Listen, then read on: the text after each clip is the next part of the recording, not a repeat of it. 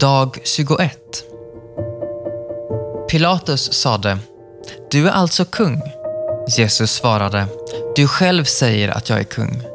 Därför är jag född och därför har jag kommit till världen, för att vittna om sanningen.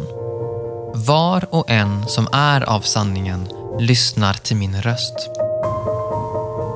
Johannes evangeliet kapitel 18, vers 37. Dag 21. Den vars ursprung är från evighetens dagar föds till världen.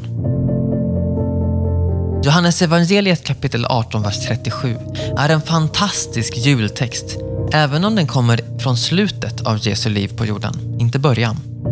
Lägg märke till att Jesus inte bara säger att han föddes, utan att han har kommit till världen. Det unika med hans födelse är att han inte blev till i sin födelse. Han fanns innan han föddes i stallet. Personen, karaktären, personligheten hos Jesus från Nasaret fanns innan människan Jesus från Nasaret föddes. Det teologiska ordet för att beskriva detta mysterium är inte skapelse utan inkarnation. Personen, inte kroppen, utan Jesu personlighet i dess innersta natur fanns innan han föddes som människa.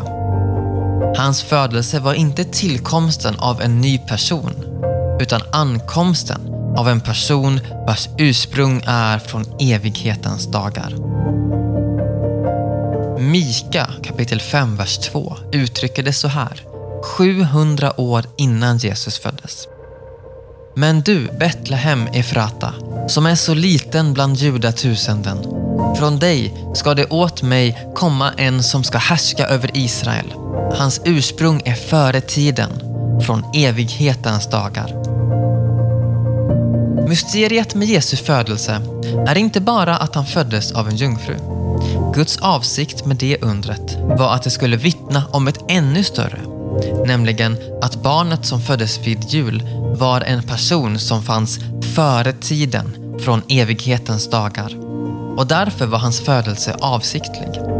Innan han föddes planerade han att födas. Tillsammans med sin far hade han en plan. Och en del av denna stora plan yttrade han under de sista timmarna i sitt liv på jorden. Därför är jag född och därför har jag kommit till världen, för att vittna om sanningen. Var och en som är av sanningen lyssnar till min röst.